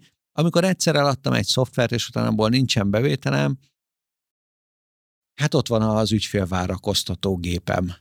Ott van az, pattintsuk hogy le a pattintsuk le, ha baja van, mert hát vagy vegye meg az új verziót vagy minden évben, verziót, ami igen, igen. sokkal többe fog kerülni, mert igen. akkor nekem is megéri. Én nagyon hiszek a havidíjas előfizetésben. A másik az, hogy a havidíjas szoftverek velünk nőnek. Ugyanis amikor megveszem, akkor még lehet, hogy sokkal kevesebbre van igényem, de ha jól csinálom a dolgaimat, akkor egy év múlva, két év múlva, három év múlva sokkal több funkcióra, sokkal több felhasználóra, sokkal nagyobb mindenre lesz szükségem, és velem tud skálázódni a szolgáltatom. Értem, és ha egy kicsit még kitekintünk a szoftveres világból, mert itt igen, ebben megy a világ, tehát nincs kérdés, hogy felhő, meg, meg sas, viszont ha nem szoftverről beszélünk, akkor az előfizetéses modell lesz szerinted működőképes? Meg lehet mindenhol találni a kvázi előfizetéses modellt? Ugye volt az az egy dolláros borotva pengés cég, igen, ugye az örök példa erre, hogy egy borotvából is lehet előfizetést csinálni. Itt egy kis kreativitás kell, az biztos a cégvezetőnek, de ezt hogy látod?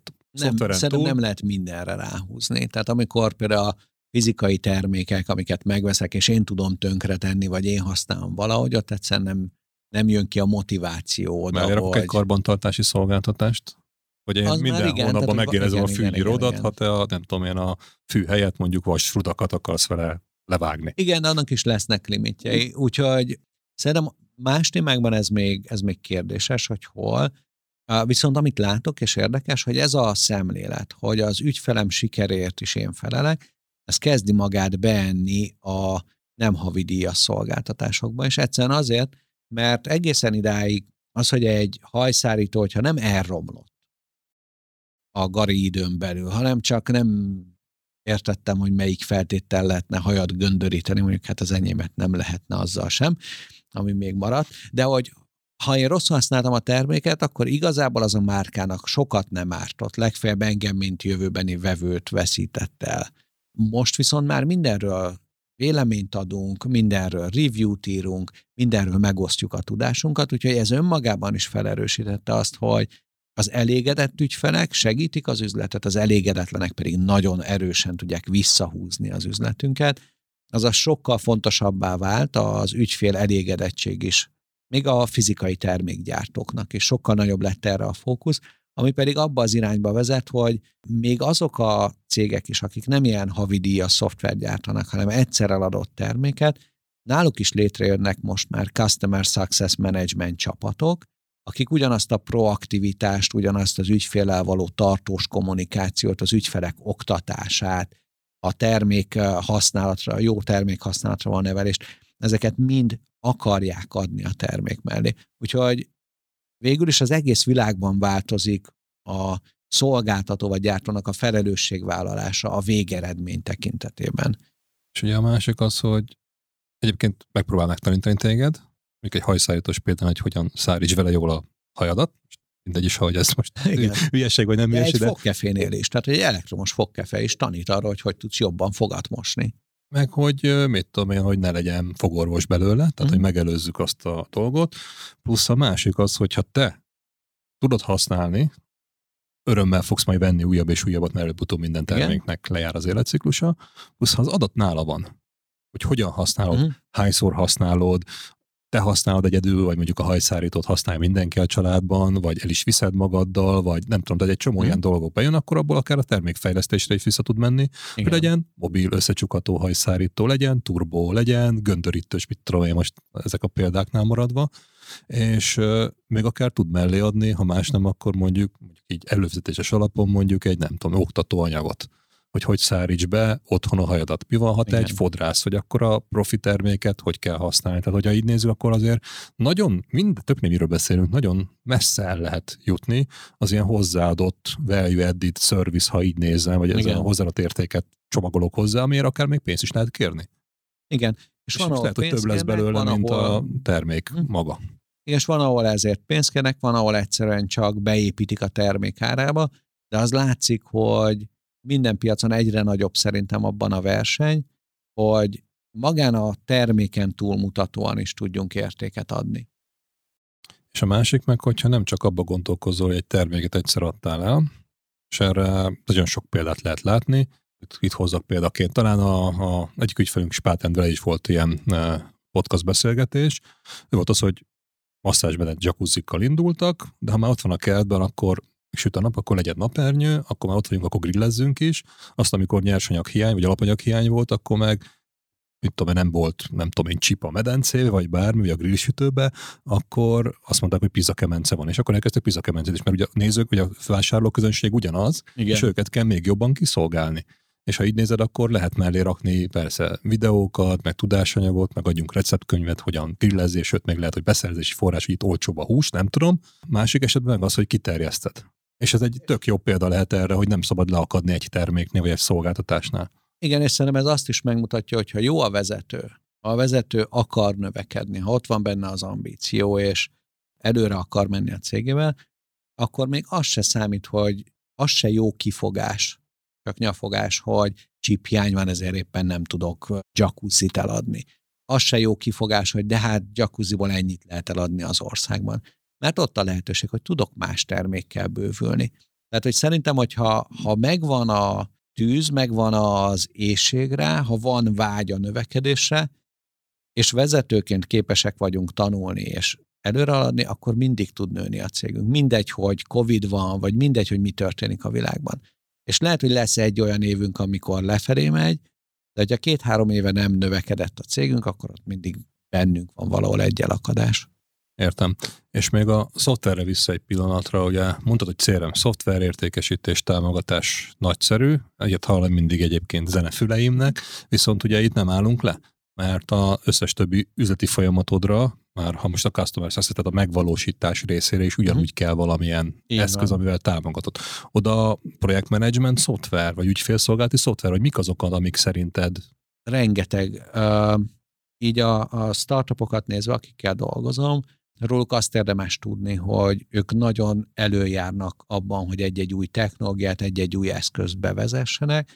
Egy átlagos startup valahol 10 és 30 közötti különböző szoftver megoldást használ az ügymenetében. Az, hogy egy szoftver megold mindent, ilyennel nem Ez már egyre melyet? kevésbé, és ez talán a másik nagy változás a világban, hogy 10-20 évvel ezelőtt, ha egy vállalatnak a, az informatikai ügyeit meg kellett oldani, akkor vett egy dobozos nagy vállalatirányítási rendszert a németektől, vagy az amerikaiaktól, és pár év alatt bevezette, és akkor az az egy rendszer tudott mindent a cégéről. És azt látom, hogy ezt az a trend váltja fel, hogy nagyon-nagyon sok specifikus céleszközt használnak, nagyon sok munkafolyamatban van egy-egy specifikus eszköz, a szoftvereszköz, amit használnak a cégek, és ezek a szoftvereszközök egymással viszonylag jól összeköthetőek, de hogy nem kell az összes marketing támogató szoftvernek, az összes gyártás támogató szoftverre és az összes könyvelési rendszerre egy szoftverben lenni, és ugyanattól az egy cégtől megvenni. Mert minden egyes témában más lesz a legjobb, és más lesz, ami hozzánk a legjobban illeszkedik. És ezzel sokkal gyorsabban tudsz haladni. Ha így valamelyik van. nem jó, akkor azon Azt tudsz fejleszteni. Így van. Mert az, hogy mondjuk tíz éves távlatban, amit mondtad, hogy egy határ nagy, nem tudom én, vállalatirányítási rendszert SAP-ra, Oracle-re, ezekre igen, gondoltál, tehát most nyugodtan kimondhatjuk. Igen, és a marketing titkok. moduljuk lehet, hogy már tud arról, hogy van Google hirdetés, de szinte biztos, hogy nem hallott még a TikTokról. Vagy még vagy, vagy tehát, egyiket hogy, se tudják használni. Vagy nem tudom, se, és, igen, és nem igen, a szoftver a hibás ebben, hanem egyszerűen a cég, a magyar Igen. KKV nem képes befogadni, és nem tud erőforrást rárakni, hogy egy ember full-time azon dolgozzon, hogy ez jobb legyen, mert az Igen. baromi drága tud lenni. És már maga a szoftver is drága volt. És ez lehet egy növekedési korlát, hogy nagyon sok embernek a fejbe az volt, de hát, hogy azt mondták, hogy az mindent is tud. És Igen. ha manapság is ezzel a mentalitással megy valaki, akkor így elmegy mellette a világ, mert egyszerűen nem képes egy ilyen óriás batárral felvenni a mellette felnövő sok kis startup, aki elhúz mellette jobbról, val a versenyt. És ha ő nekik olyan rugalmas eszközeik, megoldásaik vannak, amivel most itt beszéltünk, értékesítési folyamat, ügyfélszolgálati projektmenedzsment, szemléletes folyamat, csomó mindenről, amit mindegyiket érdemes valahogy követni, mert abban abba szerintem nekem az jött át, hogy mondtad, hogy rendszer nélkül ez, ez nem fog működni. Az, hogy itt a Kicsiben fejemben működik. Tehát, hogy egy, egy egyszeri vízvezeték szerelő el van szoftver nélkül, hát kell mindig előző nap is rácsörögni, hogy holnap biztosan jössz és akkor hú, azt elfelejtette. És akkor három hete nem jött, akkor már igen, utána igen, ered a fél a falba. Tehát, tehát még megél belőle, tehát főleg mostanában. De hogy amikor már szervezetet akarok építeni, ott már, ott már egyszerűen kell. És az a fura nekem, aki gyerekkorom óta programozok, hogy amikor arról beszélgetünk, hogy kell-e a digitalizáció, vagy mi az a digitalizáció, a cég működésben, akkor egy kicsit úgy érzem magam, mintha egy könyvelővel kéne arról vitatkozni, hogy kell-e a matematika a könyvelésbe. Mert hogy elképzelni nem tudom máshogy. És a digitalizáció, ezt tegyük helyre, szerintem az nem azt jelenti, hogy e-mailezünk.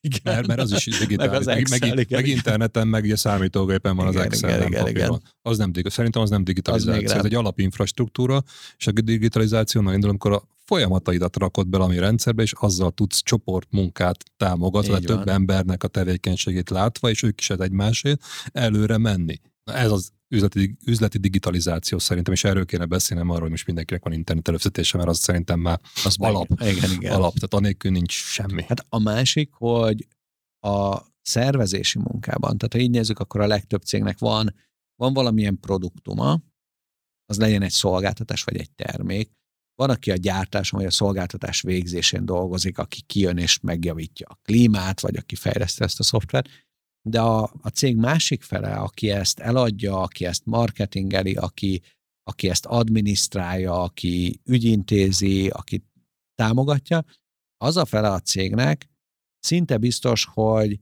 tudna háromszor annyit végezni egy átlag magyar cégben, ha jól lenne digitalizálva, ha jó eszközei lennének rá. Sőt, a munkakörök akár jelentős részét, akár teljesen automatizálva ki lehetne a legtöbb cégnél váltani. Ami azt jelenti, hogy ugyanennyi emberrel akár két-háromszor ekkora értékesítést is el tudnának vinni. Mekkora a kifogás, hogy de hát most nem érünk rá, a szezon van, most izé, most majd hát. jön a háborús válság, és infláció, és nem tudom, mi lesz, ezért inkább most maradok, és nem merek befektetni igen. a jövőmbe. Ez egy maga alatt vágja hát a fát. ez, ha már favágás, igen. Ha már favágás, akkor ez szerintem az, hogy amikor annyira kell fát vágjak, hogy élezni nincs időm és már igazából Vagy csak nem indítom be a motoros Igen, igen, igen, igen arra nincs időm, hogy Csak kettő fát kivágtam, de 30 lett volna a szintidő, beindítom igen. a... És, és szerintem pont ez, hogy nagyon sokszor ezek kifogások, és, Szerinted mennyi, félelemből jönnek. Mennyi szerintem. idő lehet az? Mert igen, pont ez, hogy félelem. Nem félelem. merek változtatni, mert igen. valamilyen rossz, mert ezt már ismerem. ismert rosszban vagyok, igen. és most mondtál, hogy digitalizáljunk üzletileg valami folyamatot tegyünk át a papír, vagy, vagy ilyen klasszikus, hagyományos, nem normális folyamat támogató rendszerben kezelt mútról hmm. valami újra, ennek mennyi idő alatt van szerinted eredménye? Egy nap alatt? Egy év alatt? Mert ha azt mondjuk, hogy egy év, akkor el se kezdem, mert olyan messze van. Egy nap az meg olyan hihetetlen, vagy mi a realitás? Az, az ilyen nagyon meglepő, de az ilyen digitalizációs befektetéseknél nagyon jellemző az, hogy egy-két-három hónap alatt már megtérül. Pedig ha így Megtérül? Nézzük, nem az, hogy működik, megtérül. megtérül. megtérül. Azért az nagyon, nagyon más. Az, hogy mennyire működik, szerintem vannak pár nap alatt beüzemelhető rendszerek, csapatmérettől is függ, tehát a 200 ember munkáját kell újra az szervezni, logikus, újra kitalálni, az, az mindenképp, mindenképp hónapokba, fél évekbe telik. Egy kis cégnél pár nap alatt, de egy-két hét alatt biztosan át lehet egy-egy újabb rendszerre zökkenni, és utána biztos van egy kis csiszolódás még az első pár hónapban a használatból, de ezek a rendszerek minden befektetésekkel, beruházásokkal együtt jellemzően pár hónap alatt megtérül. Ha megvan az akarás, ugye? Ha megvan az akarás.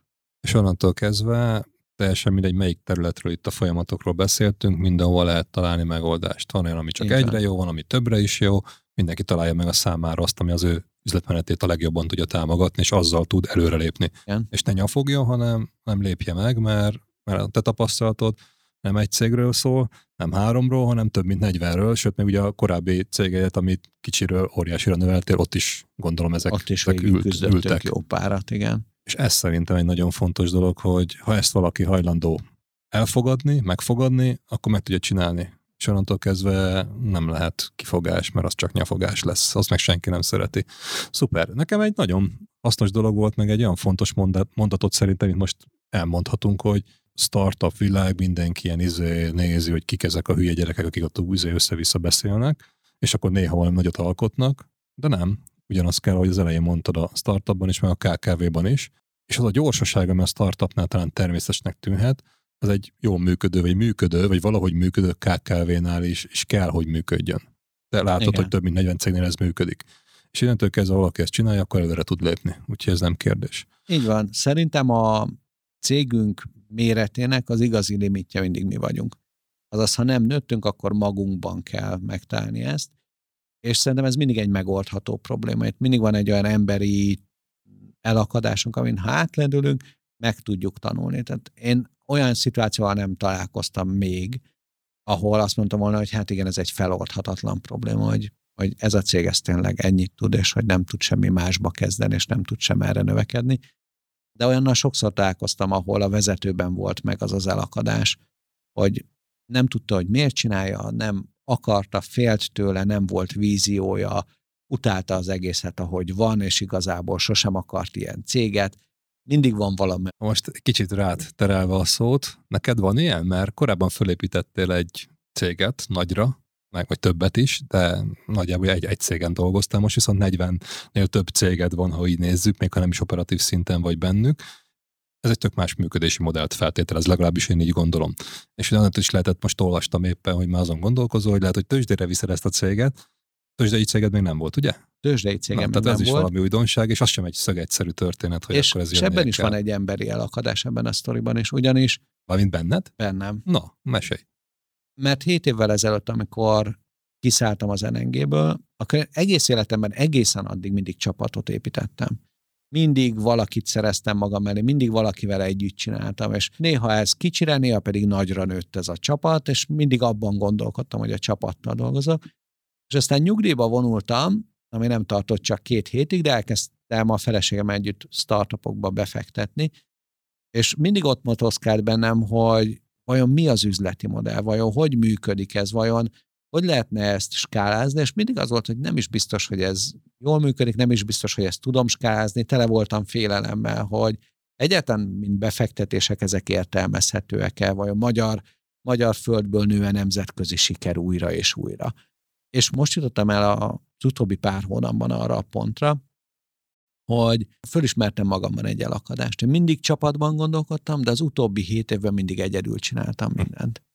És arra jöttem rá, hogy volt bennem egy félelem attól, hogy amit csinálok, az működik, ezért nem mertem csapatot építeni, ezért nem mertem másokkal együtt dolgozni, ezért mindent magam akartam csinálni, hogyha bukok, akkor a saját pénzem és a saját időm menjen csak veszendőbe. És most jutottam el odaig, hogy azt mondom, hogy nem, mert egész komoly pénzt értéket tudok teremteni, tehát a portfólió értéke a cégemnek az már sokkal-sokkal több, mint amennyit beleraktam, azaz ez valószínűleg egy jó üzlet. Most jutottam oda, hogy oké, okay, ha ez egy jó üzlet, akkor ezt, ahogy mondtad is az elején, ha valami jó, és a világra is jó hatása van, és azt mi tudjuk csinálni, akkor kutya kötelességünk azt nagyban csinálni. Mert hogy a dohánygyárak is nagyban csinálják akkor ha ők csinálhatják a dolgukat nagyban, akkor ha mi meg valami hasznosat csinálunk, akkor azt nekünk a kötelességünk még nagyobban csinálni, hogy ellensúlyozzuk a sok rosszat a világban. Úgyhogy most jutottam el odáig, hogy oké, okay, akkor én ezt nagyban akarom csinálni, akkor ezt hogy tudom, hogy tudom ezt üzletileg skálázni, és hogy tudom csapatilag skálázni, hogy fogok újra csapatot építeni, és delegálni, és funkciókat kialakítani, és szervezetet építeni, és CRM rendszereket bevezetni, és a többi, és a többi. De akkor nagyjából pont ugyanazt az utat járod be egyébként, mint egy KKV cég. Így van, én most egy KKV Csak vagyok. a portékád az a befektetési tanácsadás, úgymond meg a pénz, Így tehát hogy van. ugye besztrakod bele cégekbe, valakinek meg az, hogy vesz valami nyersanyagot, és abból gyárt egy acélszerkezetet, valaki egy szolgáltatást, valaki megveszi Kínából, és eladja itthon, tök mindegy. Ez is egy üzlet, és az is egy üzlet, és a tiéd ez, és ugyan, ugyanezzel küzdenek egyébként, és lehet, hogy ez egy nagyon hasznos felismerés mindenki számára, amit most elmondtál, hogy nem bízik annyiban, mag- annyira magában, hogy ez annyira jól fog működni, hogy megengedje magának, hogy fölskálázza, mert akkor már több ember egzisztenciáját, a sajátját is veszélyezteti, ha nem jön be. Igen. És innentől kezdve azért ez most te megcsináltál már nem egy céget, de hét évet most nagyjából azzal ment el, hogy ezt fölismerd, amiről beszéltünk eddig, és megcsináltad korábban, hogy újra ebben a más másnak más, segítek, más sapkás igen, igen. dologban, ugye, ugye másnak a dolgát az könnyebb így Igen, véleményezni, mint hogy nulláról fölépíteni egyet, hogy ez is egy örök igazság.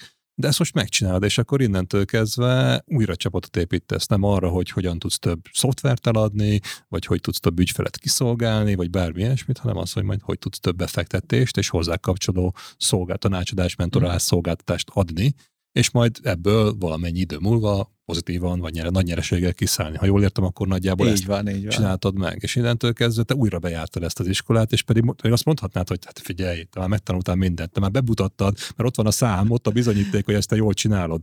Minek tanuljál? És nem. Azt mondtad, Nem, hogy a legnagyobb érték neked az, hogy tanulsz ebből. Így És a van. pénz az majd jön mellé, meg anyagiak jönnek mellé, de ezért csinálod. És ez, ami nagyon sok embertől szerintem megkülönböztet, hogy nem hagyja ki, akkor ül a langyos vízben, és akkor jó van az úgy, és csak sírnak, rínak, hanem te megcsináltad. Újra, újra, újra, pedig aztán mondhatod volna, hogy neked erre már nincs szükséged, mert Eh. megvan minden, amit, amit akartál, nem? de akkor meg fölöslegessé válok. És József Attilával ellentétben azt gondolom, hogy nem szabad fölöslegessé válnunk. Amíg itt vagyunk, addig kell hasznosnak lenni. Sőt, kutya kötelességet, hogy ami, amit csinálsz, ha az jó, akkor ezt föl is skálázd, és minden, minél több embernek, cégnek eljuttasd, hogy odaad. És akkor ebből jön az, hogy akkor de az irány. Igen, mert egy nagy dilemmája az egész uh, hazai startup finanszírozásnak, hogy nagyon-nagyon kevés a magántőke benne, nagyon kevés magánpénz van benne, javarészt állami és EU-s forrásokból történnek a startup befektetések, ami pedig torzítja a piacot, sehogy sem egészséges. És azt keresem régóta, és a saját pénzemmel ezért kísérleteztem, hogy vajon ez, vajon egyáltalán van-e létjogosultsága több magánpénzt valahogy becsatornázni ebbe? Mert ha ebből nem lehet pénzt keresni, akkor jó ez így, hogy állam és EU finanszírozza, de hogy ezzel lehet pénzt keresni, akkor lehet, hogy érdemes a magántőkének is erre egy utat kiépíteni, hogy be tud fektetni startupokba. Viszont a legtöbb út, hogyha valaki magánszemélyként egy darab startupba befektet, az egy nagyon rossz recept, mert tíz év alatt szinte biztosan el fogja bukni a befektetett pénzt mert egyesével akkor a kockázata a startupoknak. Egy startupba nem éri meg befektetni. Az viszont, hogy valaki tudjon 40-be befektetni, az meg nagyon kevés embernek van türelme, ideje, tudása, kapcsolatrendszere, Pénze. pénze. Úgyhogy ha sikerül megtaláljam azt, hogy hogy tudnak akár magánszemélyek, akár intézményi befektetők startupokba fektetni, de startup portfóliókba fektetni, és ezt hogy lehet egy csatornává kiépíteni, akkor ezt szerintem az egész hazai startup ökoszisztémára vagy cégekre is nagy hatással lesz, illetve valószínűleg magánbefektetőknek is egy izgalmas új befektetési osztály, aminek azért lássuk be több a valós eszközfedezete, vagy, vagy több köze van a valósághoz, mint mondjuk a kriptonak. Ez biztos. Sőt, lehet, hogyha még egy kis tovább gondolod, akkor ez nagyon pozitív hatása lesz a meglévő gazdasági ökoszisztémára, úgyhogy nem csak a startupokra lesz pozitív hatása, hanem ez rákényszeríti a meglévő KKV-kat, ami azért a magyar cég 75% a KKV, akárhogy is nézzük, hogy kicsit jobban odafigyeljenek, jobban próbáljanak hatékonyabbak lenni, használjanak már új és megújuló, vagy újabb és egyre jobb és hatékonyabb megoldásokat, mert különben lemaradnak a piaci versenyben. Igen. És akkor így elsüllyednek. Mert akkor csak, és most ez lehet egy ilyen nagyon tényleg ilyen hosszú távú álom, amit most itt felvázoltunk, de ehhez hozzá tudsz járulni azzal, hogy, hogy fölpörgeted ezt a magánszektort egy kicsit, mm. és rákényszerítesz mindenkit arra, hogy akarjon jobbá válni. És ez szerintem egy nagyon nemes küldetés, amellett, hogy kőkemény biznisz is. Hát reméljük a kőkemény biznisz, de hogy küldetésnek klassz. Szuper. Hát ez, én csak sok sikert tudok hozzá Köszönöm. kívánni, aztán várjuk, hogy akkor legyen egy új berobbanó értékpapíra tőzsdén, amiben majd akkor lehet befektetni, mert uh, ahogy mondtad, az első egy-két startupod az elbukott, de már 40-esével vagy ott már egész jó értelmezhető hozamot ki tudsz hozni az Igen. egészből. És ez egy, egy jó kockázat kerülési módszert, ha így nézzük, és van benne több, mint mondjuk egy bankbetét, vagy egy állampapír kamatánál. Úgyhogy ez kíváncsian várom nagyon, hogy ebből mi fog kisülni. És egy kicsit így visszagondolva itt az elmúlt másfél órára, amit beszélgettünk, szerintem volt benne nagyon sok hasznos és szemfelnyitó dolog, de az egyik talán legfontosabb az, hogy a startuptól nem izé félni kell, meg ez nem valamilyen nagyon ismeretlen, vagy ilyen Amerikából jött fogalom, hanem igazából az is egy cég. És egy KKV, meg egy startup között igazából annyi a különbség, hogy nekik van egy időkényszer rajtuk, és ugyanazokat a technikákat, megoldásokat kell alkalmazni mindenkinek. A hatékonyság az egy alapvető dolog, mert ha nem hatékonyan csináljuk, tök egy startupon vagy cégen ugyanúgy pofára tudok esni, a másik pedig az, hogy szedjük szét folyamatokra, hogy mit csinálunk, és utána te keresjük meg hozzá azt a rendszert, amit támogatni tudja. És ahogy mondtad, az első legfontosabb dolog az, hogy ez a meglévő cél és az új cél is igaz, hogy legyen bevétel már, mert valamivel validáljuk, hogy ezért hajlandó fizetni más is, nem csak az én kényszerképzetem az, hogy valami jó dolog, és ez megvan, akkor mindjárt lesz pénzünk, amivel tudunk építkezni. És onnantól kezdve igazából talán ez egy nagyon fontos mondás, hogyha valami jót csinálunk, akkor, ahogy mondta, az kutya kötelességünk nekünk elterjeszteni és skálázhatóvá tenni, és nem lehet csak megbízni, megtartani magamnak, mert az a legnagyobb önzőség. És innentől kezdve ez egy, ez egy érdekes megközelítés, de szerintem elég egyedi, ha így nézem, viszont baromi jól leírja azt, a, amiben hiszel, és, és ezt mindjárt meglátjuk, hogy következő években tényleg ott lesz-e tőzsdén ez a magyar vállalkozás támogató, segítő, nem tudom én, cég, ahol nem csak 40 cégnél fog majd működni a te tudásod, meg, meg kapcsolatrendszered, meg pénzed, hanem lehet, hogy ennek többszörösénél. Hát a terv az az, a pofátlan terv az az, hogy évi 50 pluszt tudjunk berakni ebbe a portfólióba, hát meglátjuk. Minden évben megduplázod magadat, ha a mostani igen. számadat, ha így nézzük, igen, azért az... Hát én, én sok siker is lesz vele. Hát nem figyelj, én azt tudom mondani, hogy ingyen semmit nem adnak. Ingyen nem. A, ami, ami ingyen van, annak az értéke is nagyjából semmi, mert ennyire veszik komolyan.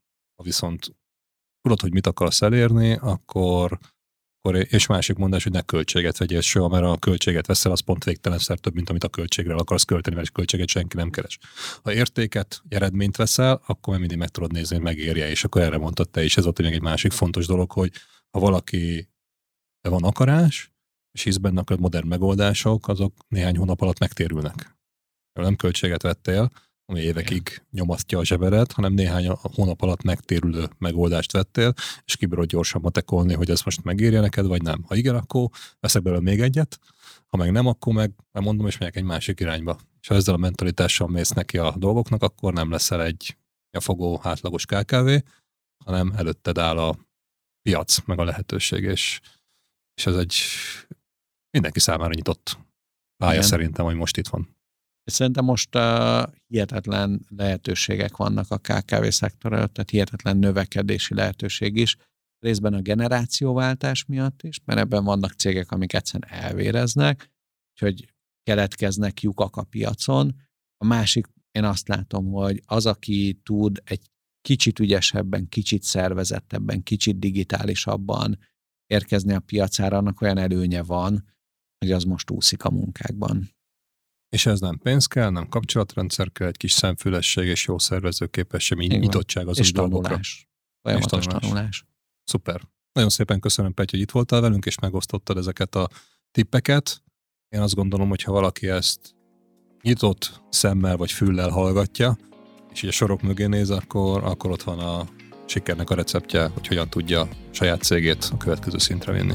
Köszönöm, Köszönöm. szépen. Köszönöm, hogy itt láttam. Sziasztok! Sziasztok! Érdekel részletesen, hogy Balog Petya milyen folyamatoknak és rendszereknek köszönhetően ért el eddigi sikereit? A választ a Cégépítő blogjában találod. A linket keresd az epizód leírásában.